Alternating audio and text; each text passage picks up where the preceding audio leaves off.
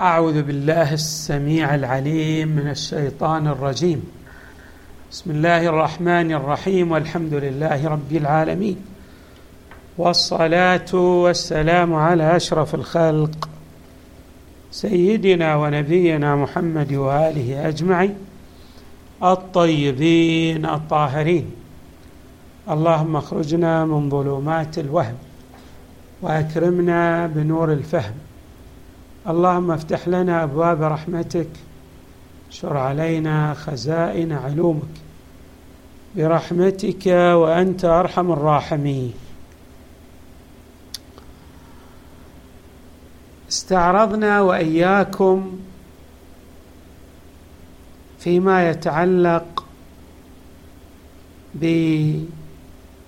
بتتمة مبحث الصفات الخبرية.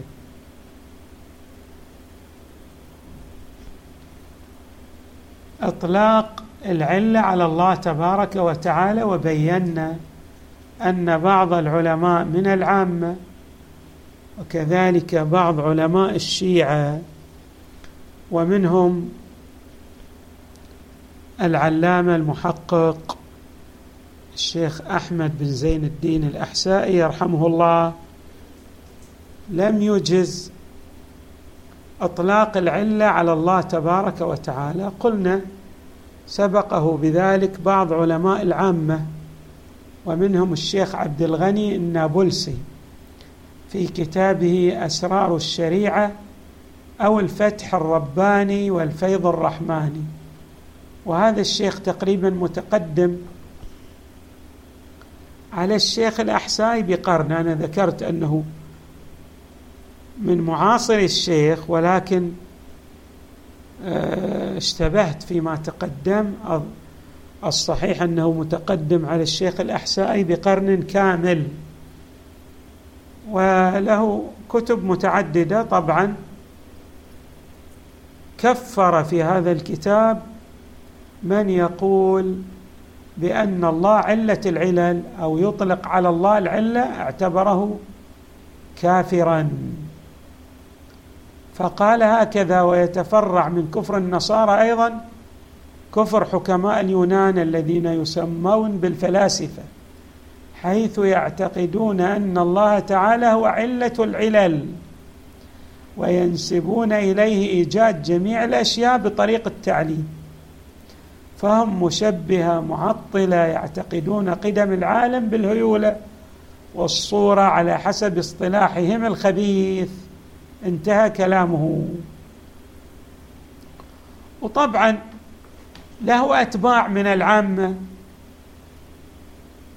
يعني قالوا بقوله بل له هناك من تقدم من علماء العامة على الشيخ النابلسي الشيخ عبد الغني وأيضا كفروا من يقول بأن الله عله. مثل الأشاعرة والماتريدية فكانوا يعتقدون إن أسماء الله توقيفية وهذا الاسم جديد يعني خلاف التوقيف. وكل من قال بخلاف التوقيف يعني أطلق اسما على الله لم يرد في الكتاب والسنة فهو كافر. هكذا تصور هؤلاء العلماء. طبعا.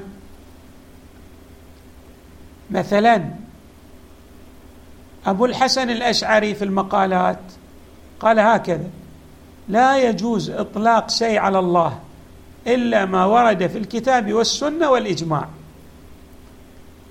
وأعطى مثالا قال لا لا يسمى الله مستطيعا وإن كان معناه القادر. لأنه لم يرد أننا نطلق على الله مستطيع في الكتاب والسنة. وهكذا غيره أيضا من علماء العامة. الشيخ الأحسائي أيضا أخذ بهذا الرأي الذي ذهب إليه علماء العامة ورأى أن إطلاق العلة على الله تبارك وتعالى لا يجوز.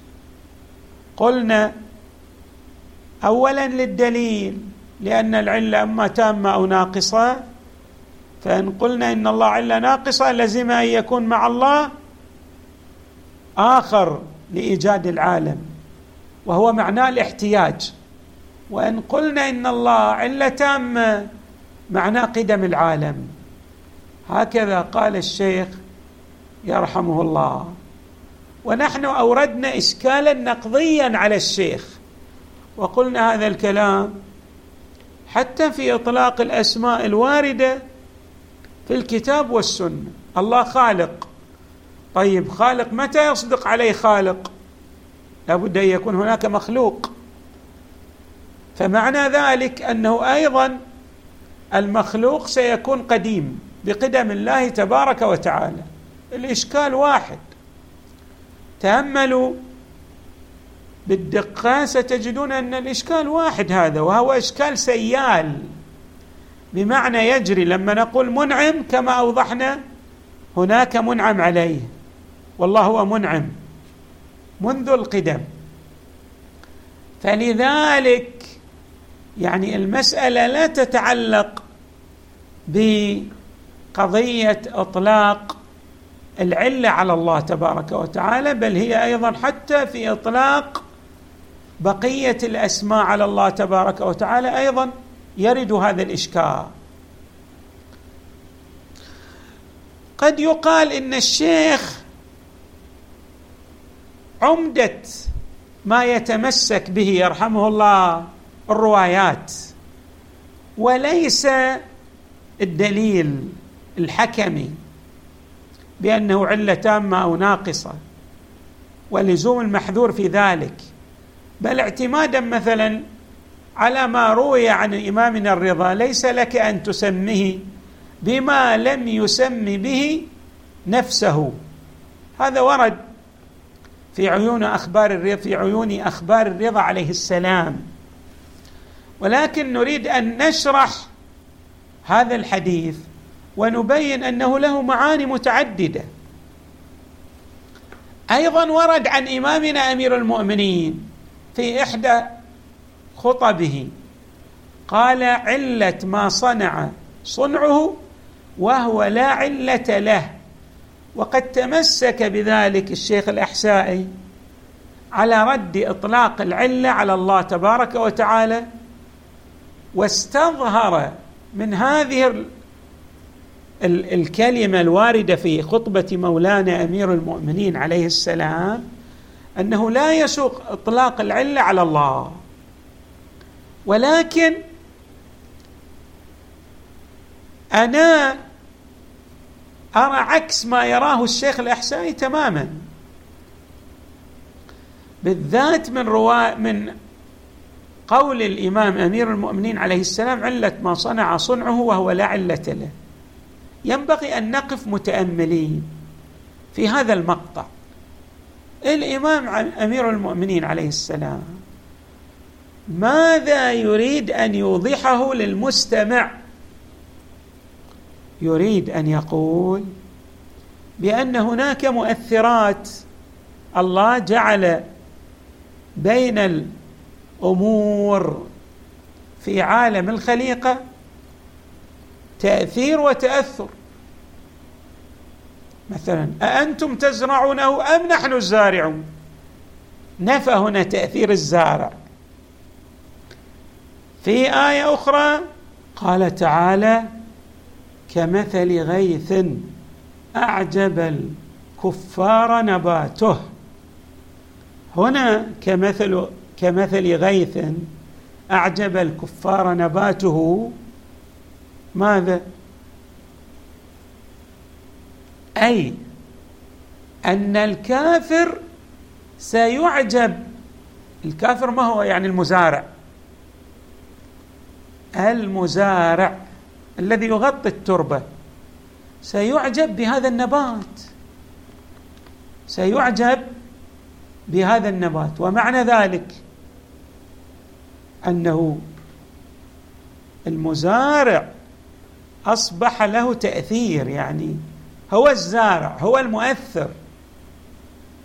فاذا عندنا إطلاقات متعددة. عندنا فقط إطلاق واحد. بعض الأشياء حتى في القرآن الكريم بعض الأشياء نسب إليه إليها التأثير حتى الرزق فارزقوهم.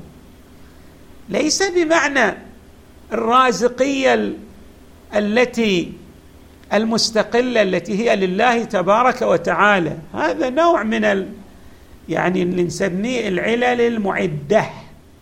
العلل شنو؟ المعدة. معنى العلة المعدة أنها لا تستقل في التأثير. المؤثر حقيقة هو الله ولكن الله جعل للماء تاثيرا.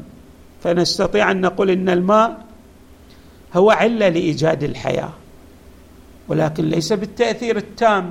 التاثير التام لا يكون إلا لله فهو يعني الذي يستقل في تأثيره. أما غيره فتأثيره مربوط اولا بالإذن الإلهي لله تبارك وتعالى وثانيا لعله تتدخل مجموعة من المؤثرات الأخرى معه ليتم تأثيره. فاذا قول الإمام عليه السلام علة ما صنع صنعه وهو لا علة له. أرى أنا أنا رأيي أن هذا المقطع لا يريد أن ينفي العلية عن الله تبارك وتعالى. هو يريد أن يبين أن تأثير المؤثرات هي ماذا؟ بصنع الله وبقدرة الله يعني أن الله هو الذي جعلها تؤثر. أما هو فتأثيره من ذاته ليس بمجعول من أحد غيره من أحد غيره هو المؤثر. استقلالا. فقوله عله ما صنع صنعه. يعني هذه مصنوعاته وهي الذي هو هو الذي أعطاها المؤثرية. هو الذي جعل للماء مثلا خاصية الإرواء. وللطعام مثلا خاصية مثلا ماذا؟ الإشباع وإعطاء العناصر الغذائية للمتغذي وهلم جرى. فإذا قول الإمام لا يدلل على المعنى الذي ذهب إليه الشيخ الأحسائي يرحمه الله. وأما ما يتعلق برواية الرضا عليه السلام ليس لك أن تسميه بما لم يسم به نفسه. انتبهوا التسمية عندنا على قسمين.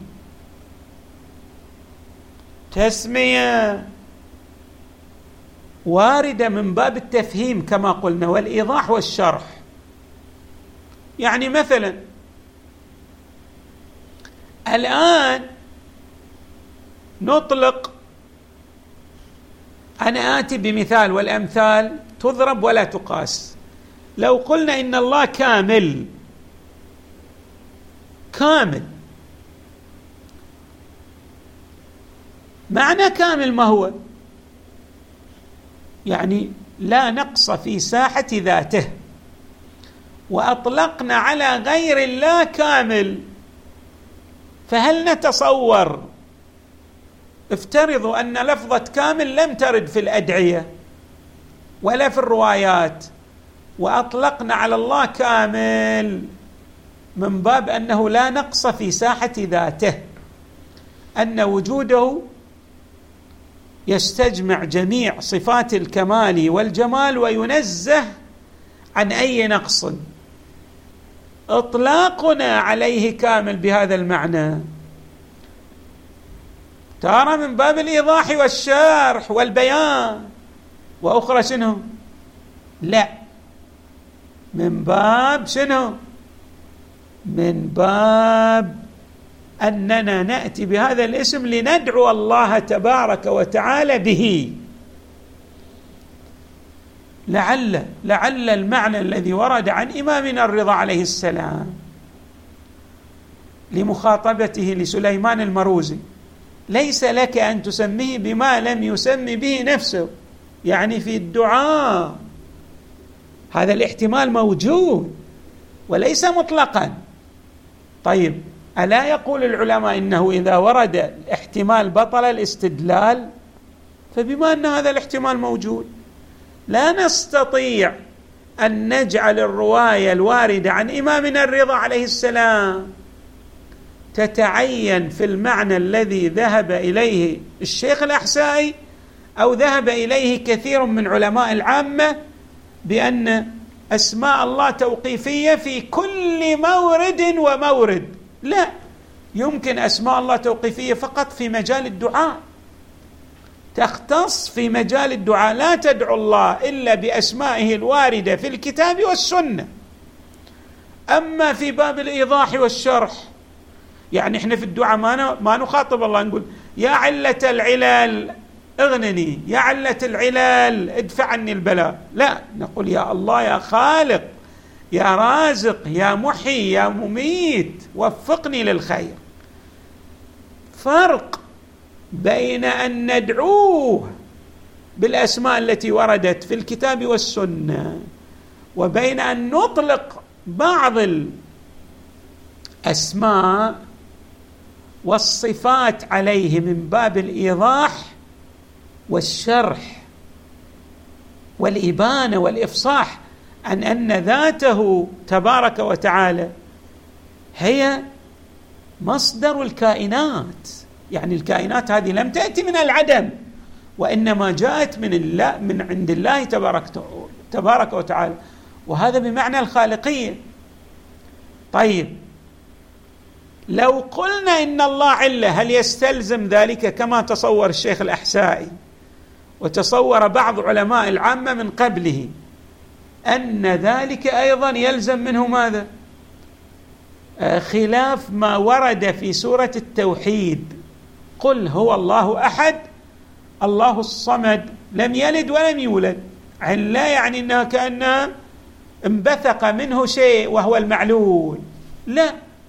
كما أشرنا في البحث السابق في الدرس السابق أن خالق أيضا يستلزم انبثاق مخلوق فاطر انبثاق مفطور منعم يعني هناك منعم عليه. الأمر ليس كذلك في أسماء الله تبارك وتعالى وفي صفاته. إحنا عندما نقول عله ليس بمعنى أن أنه هو والد وله ولد. الأمر ليس كذلك. بمعنى أن جميع الكائنات مصدرها. من أوجدها؟ من أبدعها؟ هو الله. فإطلاق العلة لإيضاح هذا المعنى ليس إلا وليس من باب الشرح وليس من باب الإتيان بلفظة العلة لندعو الله بالعلة. يعني لو سلمنا جدلا أنه لا يجوز إطلاق العلة على الله تبارك وتعالى من باب التوقيف فذلك يختص بالدعاء ولا يشمل جانب الإيضاح والشرح. هذا الذي توصلت إليه من خلال المطالعة الدقيقة وأن الاستدلال بقوله تعالى لم يلد ولم يولد هذا الاستدلال استدل به العامة قبل الشيخ الأحسائي وأيضا استدل به الشيخ الأحسائي ولكن هذا الاستدلال لا يرد على من قال إن الله تبارك وتعالى عل باعتباره لم يرى إن الله هو والد له ولد بالمعنى البيولوجي. ولم يرى إن الله تبارك وتعالى هو تولد أو تولد من غيره. يعني له أب. تعالى الله. عما يقول الظالمون علوا كبيرا. الله ليس له أب وليس له ولد. هذا من الواضح. ولكن من أطلق العلة على الله أراد ماذا؟ أراد أن يبين. أن يبين أن مصدر الوجود والمبدأ لهذا الوجود والمبدأ له هو شنو؟ هو الحق. تبارك وتعالى. هذا هو الذي يريده العلماء في قولهم إن الله تبارك وتعالى علة العلل. وصلى الله وسلم وزاد وبارك على سيدنا ونبينا محمد وآله أجمعين الطيبين الطاهرين.